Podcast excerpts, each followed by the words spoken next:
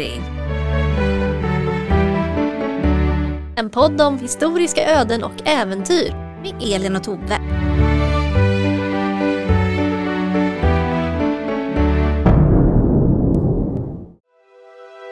Adolf Fredrik saknade den upphöjelse i förståndet och de kunskaper som rikets värv fordrade. Han ägde antingen ingen tanke eller bara tänkande i smått. Han ägde ett fromt sinne utan falskhet, men ingen av de egenskaper som troner äska. Hans urskiljningsgåva, hans begrepp, hans minne, hans drift och behjärtenhet voro mer än vanligt inskränkta.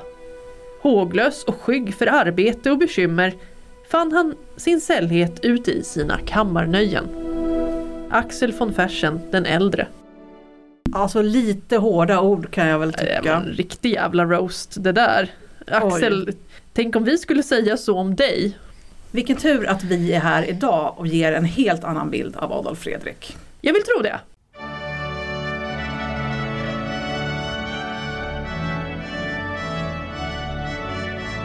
Adolf Frederick Appreciation Club.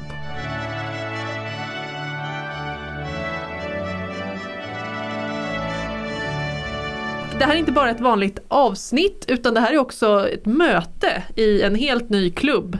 Adolf Fredrik Appreciation Club. Det är sant, äntligen. Idag så blir det Adolf Fredrik från A till F. Det har jag inte beredd på. Den har jag gått och lurat på hela dagen.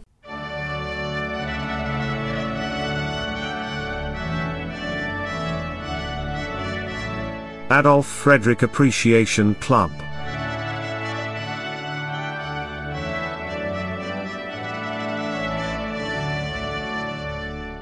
För det är så här, vi har haft en konung i Sverige som heter Adolf Fredrik och han är väldigt intimt förknippad med ett bakverk. Som inte ska nämnas vid namn. Ja, han är så pass förknippad med det här bakverket att han till och med kallas för det här bakverket kungen. Och det här tycker vi är fel. Den här stackars kungen är alltså känd för sin sista måltid och vet man en enda grej till om honom då är det att, att det fanns en namnstämpel så att eh, rådet kunde skriva under utan att han behövde göra det själv. Jo. Och det här är inte okej. Så här i The Adolf Fredrik Appreciation Club så kommer vi att ägna det här avsnittet åt att prata om Adolf Fredrik men inte om semlor. Du sa det Tove. Jag sa det. Får jag, ska jag gå? Du får stanna men vi tar upp det här på nästa stämma. Ja, bannlyst från klubben. Då är det bara jag kvar i sig.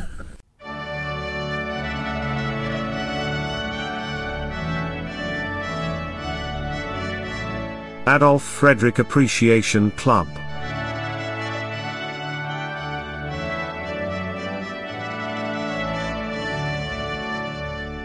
Ska vi dra igång? Vem, vem är Adolf Fredrik, Elin? Men du, ska jag dra en liten kort eh, biografi, the basics? Så Ja, att alla är med på för banan. vi är på 1700-talet kanske, eller hur? Exakt! Adolf Fredrik föddes den 14 maj 1710, nya stilen, på det sköna slottet Gottorp i nordtyska Schleswig-Holstein. Oh. Pappa var Christian August, hertig av Holstein-Gottorp och tillika förstbiskop av Lübeck.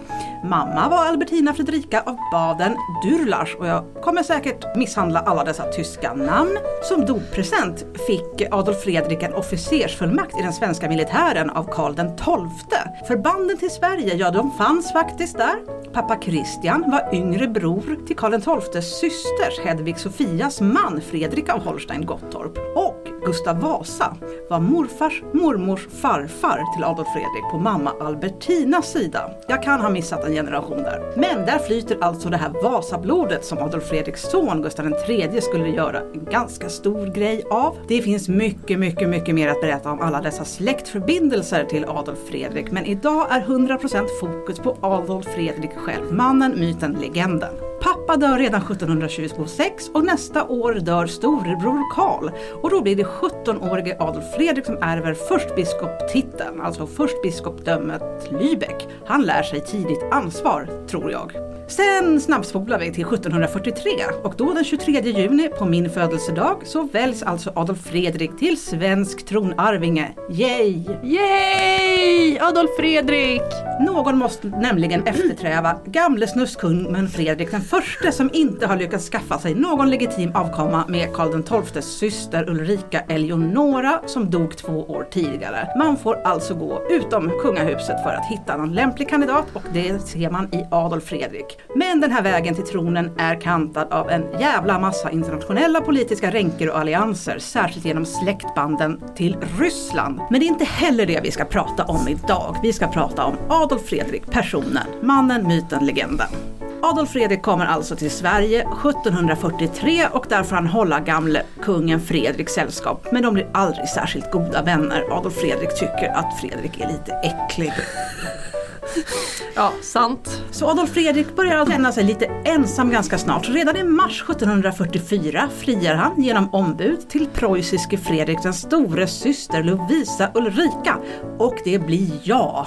Redan i augusti reser Lovisa Ulrika till Sverige och då firar man ett bröllop med pompa och ståt på Drottningholms slott. För slottet i Stockholm är ju inte färdigbyggt. Men det här kommer du Tove prata lite mer om sen. Lite grann. Allt går ju som på räls här och mindre än två år efter bröllopet kommer en kronprins och tronarvinge, Gustav som alltså ska bli Gustav den tredje. Sedan kommer tre barn till i rask succession varav två prinsar. Tronföljden bör alltså vara tryggad. Och 1751 dör äntligen gamle Fredrik den förste och Adolf Fredrik och Lovisa Ulrika blir krönta till kung och drottning av Sverige. Allt går bra på det personliga planet men lite sämre på det professionella om vi då bortser från att Adolf Fredrik faktiskt är krönt kung. Sverige på den här tiden styrs av politiska partier som ständigt är i luven på varandra men man är överens om en sak, att kungamakten ska vara mer eller mindre begränsad. Vi är ju i frihetstiden som vi alltid tjatar om. Adolf Fredrik, han är ganska chill med det här men Lovisa Ulrika hon tycker det är äh, bara skit. Varför ska man ha kung och drottning om de inte får bestämma? Det leder så småningom till en misslyckad statskupp 1756 och då sitter kungaparet lite löst i sadeln och åtta av deras polare mister huvudet. Och efter det håller man kungen och drottningen i särskilt strama tyglar. Adolf Fredrik får mest sitta och svarva.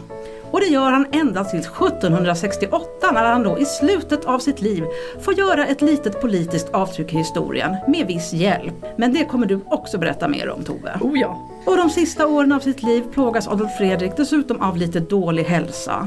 Kvällen den 12 februari 1771 känner han sig lite dålig, vilket visar sig vara en stroke som samma kväll ändar hans 60-åriga liv. Och det var alltså de stora dragen. Men idag ska vi som sagt prata om Adolf Fredrik personen och de små delarna, det som var han, det som gör honom till våra hjärtans kung. Och vi tänker att vi säger på vilket sätt vi uppskattar Adolf Fredrik och sen så drar vi något typ av bevis för det. Får jag börja? Du får jättegärna börja. Adolf Frederick Appreciation Club. Jag uppskattar Adolf Fredrik för att han var snygg. Så här beskrevs han nämligen.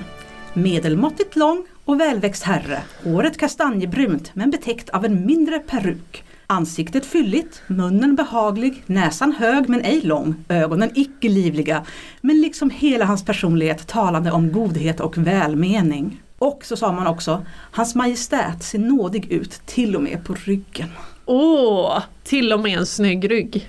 Och han tyckte om fina kläder och klädde sig ganska prydligt och också dyrbart efter att hans hustru Lovisa Ulrika lite fått uppfostra honom hur man skulle se ut som kung. Ja men det var väl bra att hon, att hon gjorde det. Och jag vill att vi ska titta på några porträtt av honom här. Oh, det är inte så roligt för er där hemma i stugorna men vi kommer att lägga upp på Instagram och ni kan också googla om ni inte kan hålla er så långt. Och jag älskar porträtt så nu kör vi. För när jag tänker på Adolf Fredrik så tänker jag i första hand på den här typen av porträtt. En snäll morfarsfigur som har fickorna fulla med Werthers original. En äldre trivsam herre. Det här porträttet är målat av Lorenz Pars och finns på Sinebrukov museum i Helsingfors, eller hur 17 det nu uttalas. En mycket stilig äldre herre. Men Tove, när han var ung, Bauchika wow! Oj oj oj. Alltså jag, ja. Vi ser ett porträtt här framför oss med en blick som kan få den, den mest kallhjärtade isjungfru att smälta. Och nu Tove vill jag sätta en scen för dig. Jag vill att du föreställer dig att du är en kanske tysk eh, förstinna av något slag som är på din första dejt med Adolf Fredrik. Jawohl! Ni är i någon slags eh, liten paviljong eller lusthus kanske på slottet Gottorps fina ägor. Där finns en vinkylare med flera champagneflaskor på kylning. Ni sitter runt ett bord. På mitten står ett fat fyllt med krossad is och ostron. I högtalarna lite smooth jazz sådär. Och på väggarna finns det flertalet erotiska kopparstick men de är smakfulla. Det är inget snusk här. Okej. Adolf Fredrik ser på dig. Han klär av dig med blicken. Han gillar vad han ser. Han tar ett ostron. Han slurpar i det sig utan att släppa dig med blicken. Och du vet med ens att du kommer överge din regel om att aldrig gå hem med en snubbe på första dejten. Det är allt jag har. Tack för den här fantastiska Adolf Fredrik-fanficken. Ni måste se bilden för att förstå det här. Ja, Den är- kommer upp på Instagram. Den är, den, är, den är jättefin. Han har en blick på den som, jag tror jag sa det till dig förut vid något tillfälle, men det ser ut som en kursare man, man läser med, gissningsvis på universitetet, som ger den där blicken efter att han har gett en, ett svar på något seminarium som är fullt med logik och facts. Okej, jag, jag ser ju bara sex och pil men jag kan se din tolkning också. Jag tänker att han har någon Lovecraft t-shirt på sig också. Ja, det har han. Det, det har han. Ja. ja. Får jag uppskatta Adolf Fredrik nu? Ja! Ja! Adolf Frederick Appreciation Club. Varför uppskattar du Adolf Fredrik? Ja, jag uppskattar Adolf Fredrik för att han kunde vara normkritisk i sitt val av hustru. Åh, det var ju inte vanligt på den här tiden. Nej, och han, han räddade faktiskt Lovisa Ulrika från ett öde hon inte ville ha. Och vad var det? Ja, det var ju så här att eh, du berättade ju så trevligt att han kommer till Sverige 1743 som val till svensk tronarvinge. Och då var det så här att kronprinsen Adolf Fredrik, han var faktiskt 33 år och ogift. Aj, aj. Så han sitter lite på glasberget där för en herre. Så blir det inga tronarvingar gjorda. Nej, och då tyckte man då i Svea rike att Adolf Fredrik, han behöver gifta sig. Och här hade ju Ryssland en hel del att säga till om. Ryssland var också inblandat så här som du nämnde om hans eh, tillträde där. Att det var ganska mycket rysk inblandning i svensk politik på den här tiden kan vi säga. Och då tyckte den dåvarande kejsarinnan av Ryssland att om Adolf Fredrik skulle gifta sig med en kvinna från kanske Preussen, och då pratar vi om norra Tyskland, då skulle man kunna i framtiden få till en schysst allians mellan Ryssland, Sverige och Preussen. Så hon, hon tänker lite framåt här. Och eh, det vi idag kallar Tyskland då, bara för kontext, det var ju fortfarande uppdelat i en rad mindre stater och Preussen är den, en av de större av de här. Och de vet- var bra på att kriga va? de var väldigt bra på att kriga, det är en militärstat och eh, huvudstaden är Berlin. Så åker ni till Berlin på någon schysst weekend, då är ni i gamla Preussen. Och det preussiska kungaparet, de hade faktiskt två lämpliga döttrar. Lovisa Ulrika, som var 23 år gammal, och Amalia, som var yngst, hon var 20. Och systrarnas bror Fredrik, han är kung i Preussen. Så att pappa har fallit bort, deras bror Fredrik den andre är kung av Preussen. Som vi gärna kallar Fredrik den store i vissa sammanhang. Ja, Große Friedrich. Åh. Jag kan inte tala Ja. tyska. Ja. Och då är det så här att Lovisa Ulrika då, den lite äldre systern, hon är ännu mer på glasberget än Adolf Fredrik är för att hon är 23 år i en kontext där man kanske tänker att eh, de här tjejerna i den sociala gruppen, de gifter sig ju ganska snabbt. Väldigt tidigt ofta. Alltså 15 är ju inte Det är inte ovanligt. Nej, Så precis. hon är lite geriatrisk här. Ja, och eh, hon har haft fle- flera friare på gång men det har ofta fall- det har liksom fallit bort, fallit ut i sanden varje gång. Ja, Ja, och nu har hennes bror Fredrik bestämt att hon istället för att gifta sig ska bli abbedissa i jungfrustiftet Quedlinburg, som jag inte heller kan uttala. Quedlinburg. Och det här är ett eh, slags kvinnligt protestantiskt kloster kan vi säga. det låter inte jättekul. Nej men det vill hon inte, hon vill inte vara där. Men då, då dyker han upp. Adolf Fredrik. Adolf Fredrik! Och jag tänker att han rider in på en vit häst där för att rädda den här prinsessan av Preussen. Men han friar ju genom ombud. Det är som att skicka någon så här. Kan du fråga om hon har chans? Om jag har Ja, chans det, det henne?" gör han. Det gör han. Tyvärr. Ja. Men, men det, hade, det var en fin bild. Ja, Och han har ju skickat det här ombudet till Preussen för att förhandla. Och då rekommenderar kung Fredrik att eh, han ska gifta sig med Amalia för att hon anses godhjärtad och hon anses mild och det kanske tänker de sig att det kanske passar bättre för det svenska statsskicket. Och du nämnde ju att det var någonting som Lovisa Ulrika inte var nöjd med. Man ska inte tycka så himla mycket om man är kung eller drottning i Sverige på den här tiden och man ska absolut inte lägga sig i politiken. Alltså ganska modern kung, eh, kungaroll. Ja, Klipp precis. gärna några band men håll tyst. Ja, precis. Men då är det så här att eh, från svenskt håll då, då menar man att Lovisa Ulrika, hon anses se bättre ut än lilla syster Amalia. Oh, tough. Ja. Amalia. Det är lite jobbigt för Amalia. Och det, hon är känd också i Europa för att hon är väldigt intelligent och beläst, påläst. Mm. Adolf Fredrik har aldrig sett ett porträtt av henne, men han har hört det här. Han vet att hon är liksom ganska bitsk sådär. Men eh, han, han insisterar på henne och Fredrik han försöker på olika sätt prata ner Lovisa Ulrika. Han säger att hon är intrigant och hon är högdragen och hon är elak.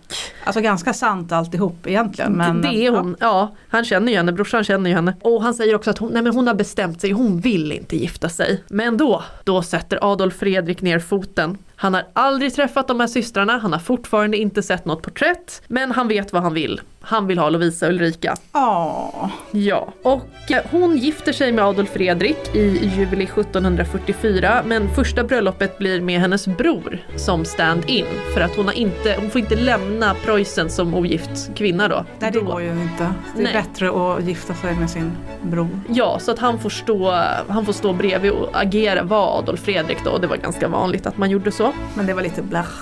Ja, ja det, det är kanske inte så kul att ha brorsan. Sen skickas hon till Sverige och Adolf Fredrik han vill ju så gärna träffa sin brud då nu när hon kommer. Och eh, då har vi faktiskt en ögonvittnesskildring från Karl Tersmeden som skriver att eh, Adolf Fredrik han rod, roddes ut till det här skeppet som Lovisa skulle, Ulrika skulle komma på och så skulle de få träffas då. Och han skriver att Adolf Fredrik antingen av kärlek eller blyghet blev alldeles blek. Men då kom hon honom till mötes och han tog hennes hand då. Och sen gick de tillsammans in i kajutan för att prata med varandra. Och enligt Axel von Fersen då, den äldre, så är, som är en sån här historisk skrivare och pappa till den Axel som vi alla tänker på när vi säger Axel von Mm. Fersen. Det är inte han, det är inte Hunk-Axel utan det är Nej. pappa. Och enligt honom så var Adolf Fredrik jätte, jätteblyg och Lovisa Ulrika det var hon som fick prata under hela den här första konversationen. Och sen fick Tessin då som var med, han fick sitta och försöka fylla ut och hjälpa Adolf Fredrik.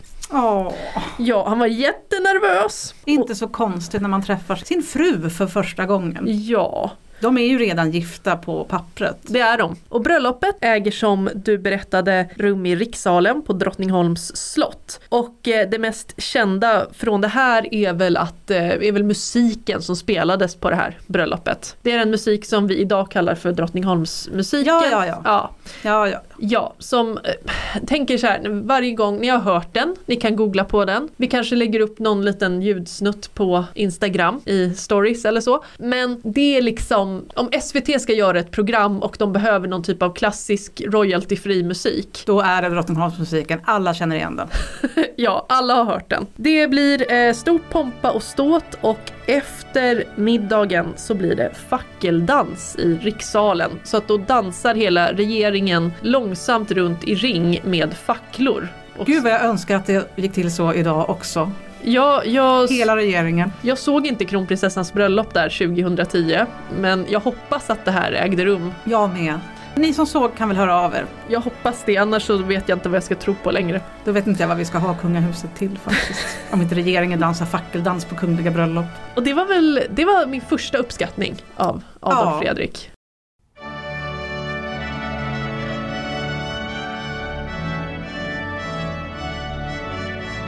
Adolf Frederick Appreciation Club.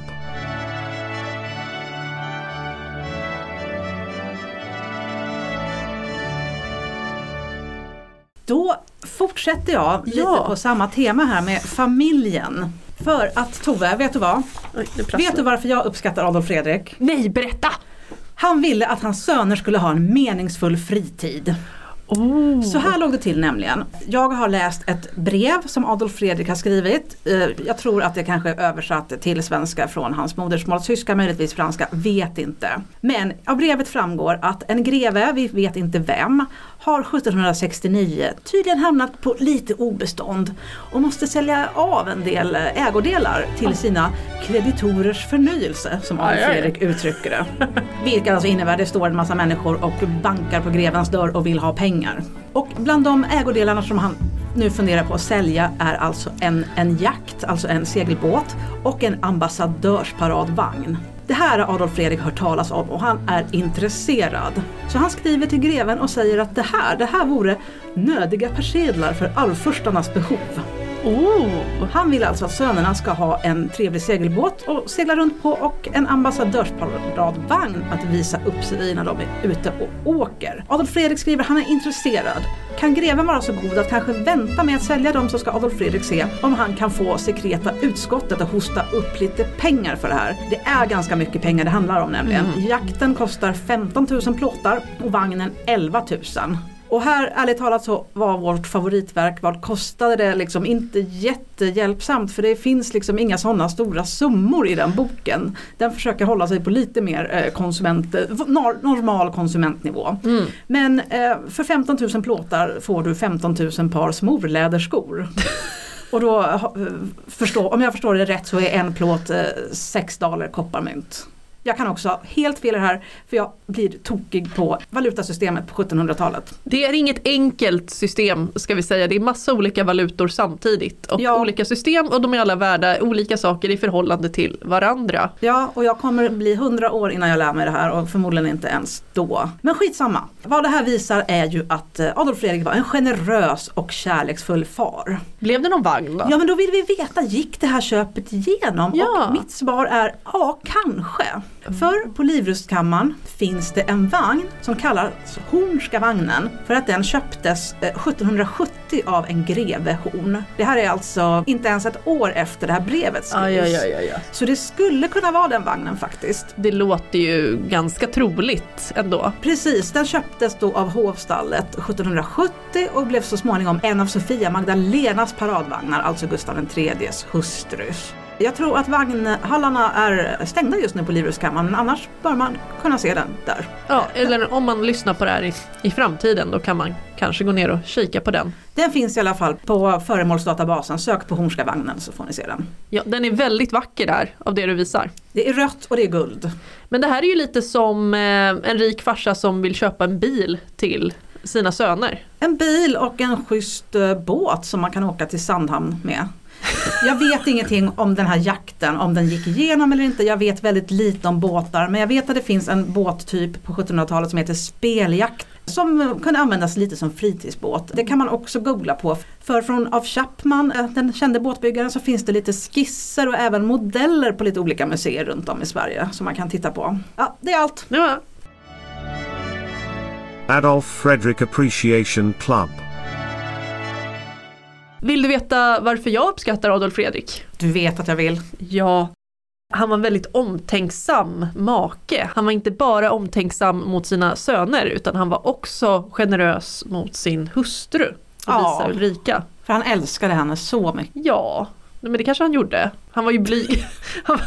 Hon verkar ju, de verkar ju ha um, umgåtts väldigt mycket. Ibland så ser man ju på kungliga par att de lever väldigt separata liv. Men de här två verkar ha hängt ihop en del i alla fall. Och de fick fyra barn. De har fyra barn tillsammans. Sen har väl han några till på håll. Men han är ju så generös med sig själv också. Han kan ju inte bara låta sina gener stanna liksom på en gren. Man måste sprida lite. Och eh, det var så här att eh, ute på Drottningholm där finns det en fantastisk liten paviljong som heter Kina slott. Ja, Och den är en liten söt rosa bakelse och ett så kallat kineseri som man kallar det för. ypperligt promenadmål. Fantastiskt ja. Och förut så låg där under Kina slott också ett våffelbruk. Jag vet inte om det finns kvar. Tänker kaféet. Ja, men då Jag kunde, tror det. Jag Ja. vet inte om man får våfflor. Ja, man, Kanske man får om man frågar. ja, man fick betala ganska mycket för det på min tid. Det tror jag säkert. Ja, det var Men det är kungliga våfflor tror jag. Ja, det, det är det. Och det är så här att det här slottet är faktiskt en födelsedagspresent till Lovisa Ulrika. Wow! När hon fyllde 33 år i juli 1753. Då var det stort kalas ute på Drottningholm och hon fick hålla på att skjuta prick. Då hade man någon slags rörliga måltavlor som hon var väldigt duktig på att pricka. Inte människor då hoppas Nej, jag. nej, nej, det, det verkar vara något som man drar på. Ja, okej. Ja. Ja, vad skönt. Mm, nej, nej, nej. Och eh, så då vann hon ett pris och sen lite senare då fick hon föras bort då för det här hade uppförts lite i hemlighet. Det står en bit bort i parken så det är faktiskt, man skulle kunna bygga någonting där utan att det syns från det stora slottet.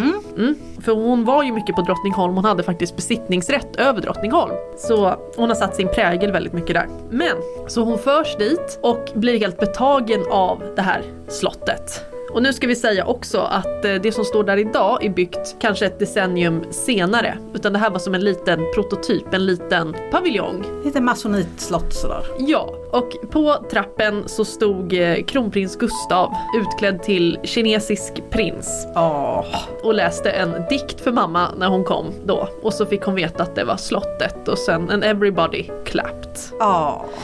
Och det här kanske verkar lite konstigt att varför skulle en tyskfödd svensk drottning få ett kinesiskt slott? Men det var faktiskt så här att allting med Kina var allra högsta mode under den här tiden. Och det hade varit det ganska länge, det faller lite ur mode mot senare 1700-tal. Men under mitten av 1700-talet så är det jättetrendigt.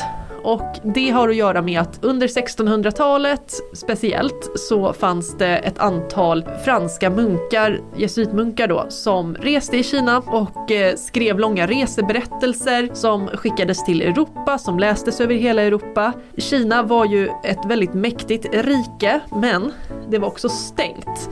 Så att man får inte hur som helst resa in och ut ur Kina. Väldigt få europeer hade varit i Kina. Och från Kina så kommer det ju väldigt mycket exklusiva föremål. Porslin, Porslin. siden, Siden. ljuva sidenet. Och ett formspråk som eh, på något sätt passar väldigt, väldigt bra in i tidens smak. Absolut, absolut. Och det var ju både exotiskt och så var det dyrt.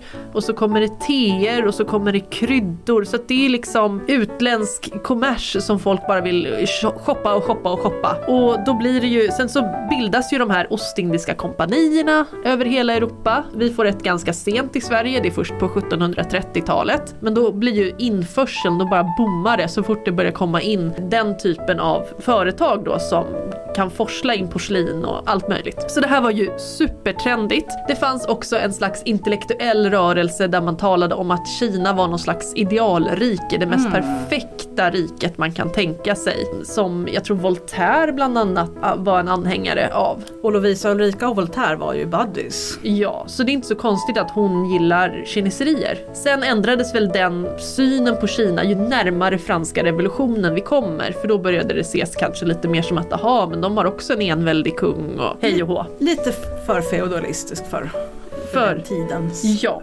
precis. ideal. Men när Lovisa Ulrika får den här fina presenten av Adolf Fredrik, då är det det mest moderna man kan tänka sig. Mm. Och då har man byggt det här slottet så att det ska se ut som man tänker sig att det ser ut i Kina på den här tiden. En person från Kina kanske hade tyckt att det här såg väldigt märkligt ut, eller? Ja, absolut. Det hade de tyckt. Och eh, en detalj från det nuvarande slottet också är att det är massa mystiska tecken ritade på väggarna där inne. Och det här ska ju föreställa då kinesisk skrift då. Men det är bara nonsens. Ja, ja, ja, de har bara ritat som de tycker att det här ser lite mystiskt ut. Men någon som har en tatuering och säger det här betyder styrka på kinesiska och så är det typ, det betyder ingenting på Ja. något språk alls. Ja, precis. Lite, lite samma sak, lite samma sak. Men det här var ju väldigt exklusivt och det här Kina då, det blev liksom lite kungafamiljens privata retreat. De var ju inte särskilt bra överens med regeringen, speciellt inte efter det här kuppförsöket som bara sker tre år efter att hon får det här slottet. Mm. Så de drog sig ofta tillbaka dit och hade något slags privat familjeliv. För är man kunglig då är man på scenen hela tiden. Man ska alltid granskas och synas av alla och representera. Men här fick de vara i fred. Och det var till och med grindar utanför så att man fick inte följa med in om man inte var godkänd av dem. Så rådet fick stå där utanför grindarna och, och blicka in? Ja, ans- kanske lite avundsjukt för de hade privata fester och så där inne. Det ser ju väldigt trevligt ut. Ja, så jag har några små beskrivningar av hur det kunde se ut där när Adolf Fredrik och hans familj bodde på Låt Kina höra. slott. Eller bodde, men man var väl där mest över dagen, men när de var där. Och hovmannen Hamilton skriver till Kina, ett litet lusthus tätt där bredvid begav sig överheten var middag. Och det betyder alltså lunch, så mitt på dagen var det. Ja. Mm. Med några utvalda. Konungen svarvade. Go figure, han älskade sin svarv. Drottningen avhörde sin lektör. Hon sitter och lyssnar på motsvarande ljudbok alltså. Mm. Kronprinsen ritade i samma rum. Jaha. Prins Karl seglade på fregatt. Men ja, okej, vad menar de då? Var han ute Jag på tror, han var, fregatt? jag tror han var ute och åkte båt. Okej, Det är han så har- jag läser. Ja, Ja. Och vattnet, Kina ligger en bit från vattnet men det kanske var skönt att slippa Karl. förmodligen. Ja. Prins Fredrik sprang omkring på fälten. Han bara springer. Ja, lilla Fredrik springer på fältet. Och vakten rökte tobak. Sofia Albertina då? Eh, hon, hon nämns inte. Nej, Men eh, jag vet inte, hon kanske är lite liten när det här skrivs. När är hon född? så kan det vara. Mm, ja, ja. Jag, jag vet inte, hon nämns i alla fall inte. Så lilla, lilla syster nämns inte. Vi har också en anekdot från Adolf Fredriks namnsdag 1759. Och det firades helt i hans smak kan vi säga. Ja, Då spelade några aktörer från den franska truppen en parad. Och eh, det fick jag lov att kolla upp vad det var. Men det är alltså något slags burleskt oanständigt teaterstycke. jag tror att det var precis i hans smak. Gud välsigne honom. Och det här var också väldigt populärt bland den franska aristokratin. Och detta burleska oanständiga stycke uppfördes i en liten lövteater vid- bredvid Kina, så utomhus, en utomhusteater, Jag älskar det. parkteater. Samt så står det till middag, alltså till lunch då, hade mycket supits. Det tycker jag också. Åh, vem gud vilken namnsdag. En Ja, snuskig teater och så massa med alkohol. Mm, det, det låter som något Adolf Fredrik vill ha. slott. Det är på Kina slott. Och sen, men sen har vi en liten, eh, nu får jag också problematisera bilden av Adolf Fredrik. Okej, Ja, det tycker jag inte om men Nej. kör. Du måste ju vara Jag är redan objektiv. ute på hal is för att Ja. jag sa det förbjudna ordet. I juli 1758 då är Gustav som är 12 år gammal, äldsta sonen, han är lite sjuk och han är lite orolig och han fick ju inte vara med sina föräldrar på dagen utan då var han med sin guvernant, sin informator som också var utsedd av regeringen Mm. för att fostra honom till någon slags frihetstida demokratisk Någon liten kung. marionettdocka. Ja, så det gillade ju inte mamma. Men när han hade skött sig, då fick han åka till sina föräldrar på Kina på kvällen Mm. och vara med familjen. Ja, Ja, tacokväll. ja, men i den här anekdoten så står det då att Gustav är sjuk där i juli och han är lite orolig och du vet man är sjuk, man mår dåligt så här, och kommer det hända något? Och då är tydligen Adolf Fredrik och Lovisa Ulrika ganska elaka och hånar honom och anklagar honom för att han låtsas vara sjuk här. Och de säger att som straff får du inte följa med till Kina. Ja, Ja, men han vet hur man når sina föräldrar, han vet hur man når pappa. Så för att göra dem lite glada på honom igen, så när de är på väg ut till Kina slott från Drottningholm i vagn, då går han dem till mötes. Då tycker de att det är okej, du kan få följa med. Och då tar de upp honom i sin vagn. Och så får han åka med pappa till Kina och så och så blir det tacokväll. det alla tacokväll på Kina ändå. Ja. ja. Men oss emellan så tror jag att det här är 100% Lovisa och Ulrika. Adolf Fredrik hade inte fått säga någonting i alla fall. Ja, 100 procent.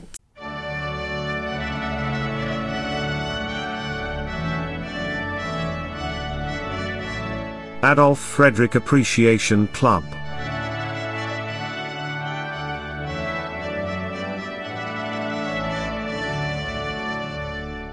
Men Tove, det blev ju jättebra för mig att anknyta lite grann där då till den här burleska teatern. Åh, Ska jag berätta varför jag uppskattar Adolf Fredrik? ja, det vill jag veta. För att han var anspråkslös. Var han det? Han föredrog lite enklare nöjen. Han älskade att jaga, han gillade att dricka och äta gott och han gillade att svarva och eh, titta på militärparader och sånt där. Åh, så han var en, en folkets man lite grann. Absolut. Han vill inte ha några snobberier. Nej, han var ju tvungen att gå på lite högtravande operor för att göra eh, hustrun glad och kanske även sönerna i viss mån. Han tycker det är tråkigt, man ser att han sitter och gäspar i den kungliga logen. Men han går i alla fall dit för att alla ska vara glada. Han vill inte, han vill inte göra någon besviken. Han ställer upp för familjen och går på opera alltså. Ja, han är alltså inte någon intellektuell gigant, det kan vi inte säga. Nej. Och han var lika anspråkslös i valet av sin litteratur som med andra nöjen. I alla fall om vi får tro den här lilla anekdoten som jag hittade i Anekdoter och karaktärsdrag ur svenska regenternas levnad från 1844. Okej, Den är kort så jag tar den i sin helhet. ja. Konungen, alltså Adolf Fredrik, var en gång mycket ifritt sysselsatt att läsa i en bok då generaladjutanten baron Adlerfelt oanmäld inträdde. Då baronen närmat sig lade Adolf Fredrik bort boken i det han sade. Du kan aldrig tro vad jag här har för en intressant lektyr, se bara. Och han visade Adlerfelt boken. Det var en Orbis Pictus. Va? Vad är en Orbis Pictus? Ja, nu måste jag ju förklara skämtet här vilket gör det inte lika roligt då som det hade kunnat vara. Men jag tror att majoriteten av befolkningen vet nog inte vad Orbis Pictus är idag. Nej, nej, jag har ingen koll. Den här boken heter egentligen Orbis Sensualium Pictus vilket brukar översättas till den synliga världen på svenska. Oj, det låter som en Harry Potter-bok. Eh, nej Tove, Nej. men den är jättebra ändå. Den första trycktes 1658 och den var på latin och tyska. Oho. Men väldigt snart så kommer det översättningar till de flesta europeiska språk skulle jag tro. Den första på svenska kommer 1683. Mhm. Och den här boken kommer vara populär i åtminstone 100 år och kanske lite till efter det här. Oho. Men jag kanske ska nämna att det här är en bok för barn. Åh. Det är en... Skratta inte. Nej, nej, förlåt. Nej, nej, men det... Man kan säga att det är en slags encyklopedi för barn med illustrationer på varje sida och sen förklaringar till vad man ser på de här bilderna. Det är egentligen en encyklopedi över hela den världen så som en, en västerlänning kände den.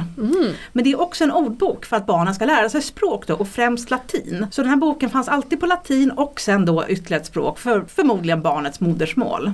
Och i en svensk utgåva som kommer 1775 då är den på svenska, latin och franska. De viktiga språken alltså. Ja, så man kan ju säga att den här anekdoten kanske är lite elak mot Adolf Ja, Fredrik. lite elakt. Ja, Eh, och jag har hört den upprepas på andra ställen också. Om den är sann eller inte får helt enkelt vara osagt. Men Orbis Pictus är en väldigt bra bok. Jag har lagt många, många timmar på som vuxen att sitta och titta i de här för de finns eh, att läsa online. Jag kan slänga upp eh, en länk till den här svenska varianten Ja, på, ja, det vill vi läsa. på, i händelser. Så jag, jag håller med Adolf Fredrik. Mycket intressant bok. Det var allt. Adolf Frederick Appreciation Club. Får jag berätta en anledning till att jag uppskattar Adolf Fredrik?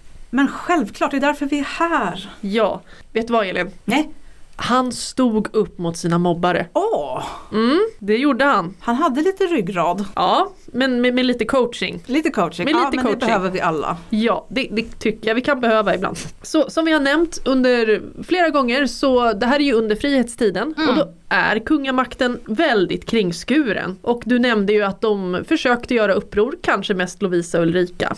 Och det gick inte så bra. Nej. Mm, nej. Men vi kan säga att kungen under den här perioden i princip är, säg att det är att riksrådet det är ju den dåvarande regeringen Mm. och det skulle kunna vara som en styrelse.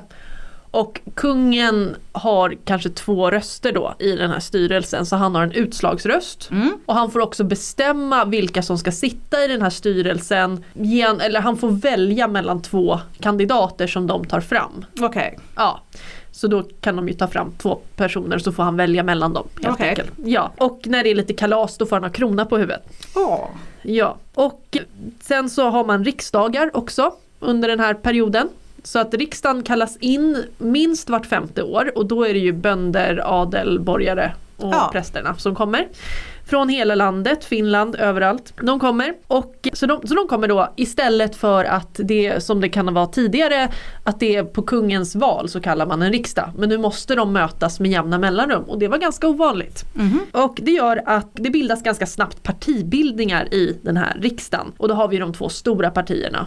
Hattar och mössor. Ja, Precis. Och vi ska inte tänka på hattar och mössor som partier idag med något partiprogram och som är ute och kampanjer på stan utan det är snarare klusterbildningar i riksdagen. Och det är väldigt mycket mutor och det är väldigt mycket korruption och det är väldigt mycket inblandning från utländska makter, till exempel Ryssland och Frankrike. Och för att få sitta i den här riks- eller regeringen då, riksrådet, då måste man vara adlig. Man kan inte bara bli invald hur som helst. Nej okej. Nej, de här hattarna och mössorna då. Makten i, den här, i riksdagen och i synnerhet i rådet det skiftar fram och tillbaka under frihetstiden. Så med lite politiskt prat, för det måste man ha med sig då när vi kommer till Adolf Fredriks protest mot sina mobbare. Ja. Vi befinner oss i december 1768 Mm. och mössorna har haft makten några år, jag tror sedan ungefär 1765. Ja. Så det är några år kvar tills nästa obligatoriska riksdag. Ja. Och det här gillar inte hattarna. Nej. Nej, för de vill ha makten och de vill kalla in en ny riksdag för då kan de få makt. Och vem vänder de sig till? Kungen? Ja, vår hjälte Adolf Fredrik. Kan du hjälpa oss? Och Adolf Fredrik, han blir lovad att om han lyckas få till en ny riksdag, då ska hattarna arbeta för att Adolf Fredriks makt ska bli utökad. Han ska alltså få hela den verkställande makten i regeringen och att riksdagen ska vara mer lagstiftande och skattestyrande. Okej. Ja, Det är en ganska bra deal. det är en väldigt bra deal för Adolf Fredrik. Men då måste han också konfrontera sina mobbare, riksrådet. Nu blir det spännande. Ja, för det är så här, Adolf Fredrik kan inte kalla in en riksdag själv utan det måste rådet göra då tillsammans. Mm. Och de lyssnar inte på vad han säger för fem öre. Nej, precis. Men då har han ju sin äldsta son Gustav som vid det här laget är 22 år gammal. Och han och Gustav de kommer på en plan tillsammans och pappa och son de sitter där och hittar på en plan. Och den 12 december så följer Gustav med pappa till rådskammaren för nu ska de tillsammans göra revolution. Och väl där, då har de med sig en skrivelse, ett papper som de vill få sagt då. Men Gustav får läsa upp pappret och så sitter Adolf Fredrik bredvid. Och nickar stämma då vill jag tänka mig. Ja. Och i det här pappret så står det att det är stor nöd i landet och eh, riksdagen måste sammankallas så snabbt som möjligt. Annars, och nu citerar jag, nödgas jag härmed förklara att jag i den händelsen avsäger mig en regeringsbörda som genom otaliga nödlidandes tårar och ett dagligt rikes försvagande bliver mig alldeles odrägligt. Så han säger alltså att eh, om han inte får som han vill, om man inte kallar in en riksdag, då blir folkets lidande för svårt att hantera för Adolf Fredrik och då kommer han att avsäga sig kronan. Oj! Ja, eller Adolf Fredrik sa inte det här, Gustav sa det. Ja, åt pappa. Åt pappa och pappa satt bredvid. Han är inte en marionettdocka. Nej, nej, Gustav fixade det här. Ja. Ja, men Adolf Fredrik tillägger att nu har de tre dagar på sig att svara. Oj! Ja, och sen går de ut därifrån snabbt. Och Och high-fivar vill jag tänka mig utanför dörren. Jag hoppas det. Jag hoppas det. Och de här tre dagarna passerar och nu ska rådet svara på Adolf Fredrik och Gustavs krav här. Så nu sitter de igen där i rådskammaren. Och rådet säger, de ger besked, och de säger att eh, det de har kommit fram till nu är att det här som Adolf Fredrik hotar dem om, det är olagligt. Han, Jaså? ja, han kan bara abdikera under en faktisk riksdag för han har blivit krönt inför folket och han kan bara ta av sig kronan inför folket. Hmm.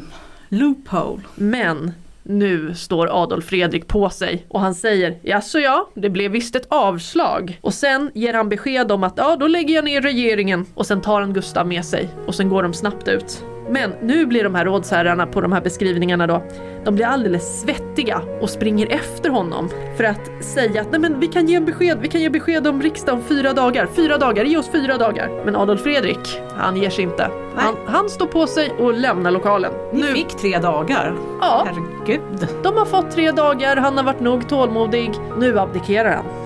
Men det är ju så här då att du nämnde ju någonting som kallas för en namnstämpel. Mm. Mm. Och en namnstämpel det är en stämpel helt enkelt med kungens namn som jag tror från början de tillverkade för att kungen skulle slippa sitta och skriva under vansinnigt mycket papper. Fredrik den första hade också en. En tillverkades för Gustav III också. Ja. Ja, men det var också en symbol där som du sa, att för kungens begränsade makt. Och då tänker riksrådet, aha, nu kan vi styra med namnstämpeln. Det, ingen märker om det inte är han som har skrivit på papper. Men det här har ju Adolf Fredrik och Gustav tänkt på. Va? Så det finns ju risk att den här namnstämpeln kan användas. Så Adolf Fredrik han går och antagligen och svarvar eller någonting. Gustav han får gå till kanslikollegiet och försöka få den här stämpeln utlämnad. Oh, så det är de som sitter och håller? Det är de som har den, men det får han inte. Men då, då framhåller han ett förbud i sin pappas namn att använda den. Ja, så enkelt. Ja, ni får inte använda den i min fars namn. Och sen så tar sig Gustav runt bland alla olika myndigheter, eller bland flera olika myndigheter och eh, sprider den här nyheten och också det här sprids ju bland dem själva också. Så att det här sprids bland alla myndigheter och när regeringen då försöker föreslå att ja men då kör vi på som vanligt och hämtar ut namnstämpeln. Då vägrar faktiskt alla ämbetsverk att stötta dem. Det är häftigt. Ja, och det är folkmassor ute på gatorna som hejar på Gustav när han kommer åkande och hejar på Adolf Fredrik då. Ja, Och ropar Woo! Adolf Fredrik. det är inte så ofta tror jag. Nej, det är inte så ofta men de stöttar konungen mot de här korrupta rådsherrarna. Mm. Så, en riksdagskallelse går ut den 20 december. Ja. Ja, och det här är då riksdagen i Norrköping 1769 där vår vän Jakob Gundlach också var med. Just det, Har har ni inte- sin, sitt lilla bidrag. Ja, och har ni inte lyssnat på det avsnittet så kan ni, får ni jättegärna göra det. Det här är som ett extended universe. Ja, ja, hela eh, 1700-talet och mer därtill. Det är ett expanded universe. Och då riksdagen 1769, då avsätts rådet under stor dramatik. Hattarna får tillbaka makten. Fick Adolf Fredrik det som hade utlovats? Nej, Nej, de glömde bort det ganska snabbt. Ja, det var inte så jätteviktigt. Men han stod på sig. han stod på sig mot mobbare Mot, med lite hjälp av Gustav. av sin äldste son. Ja, som fick läsa pappret. Men Adolf Fredrik kanske ville låta Gustav prova en gång. Och det är, det är därför jag uppskattar Adolf Fredrik här med den här kungastrejken.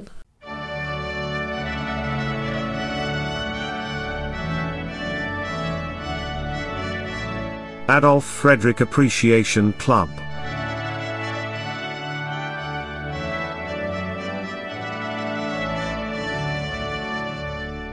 Men alla goda ting har ju ett slut Tove.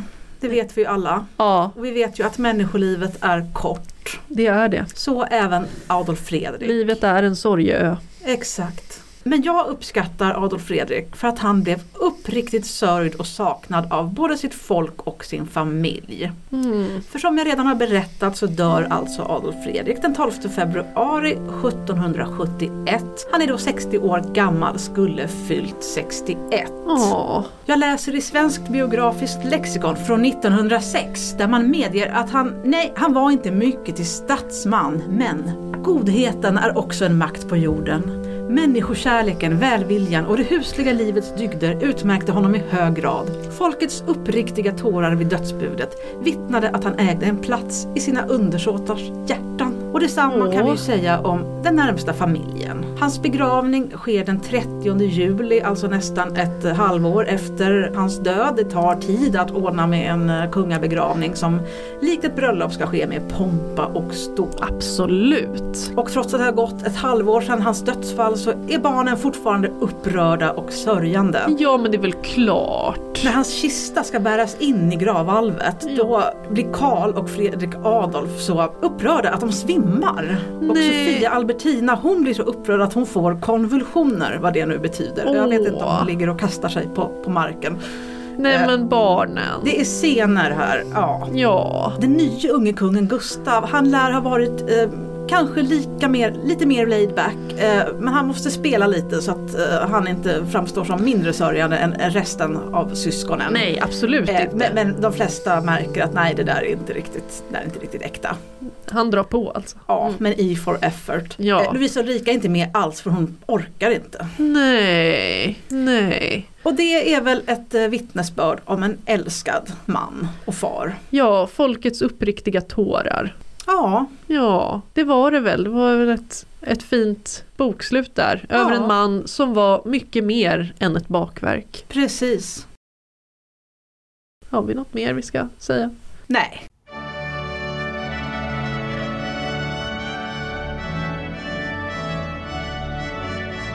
Adolf Frederick Appreciation Club.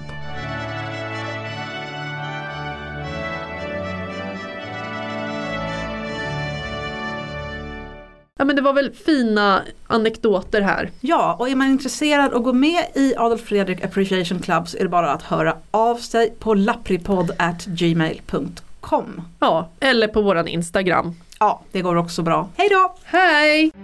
Ni har lyssnat på Lappri, en podd om historiska öden och äventyr. Vi som har gjort podden heter Elin och Tove.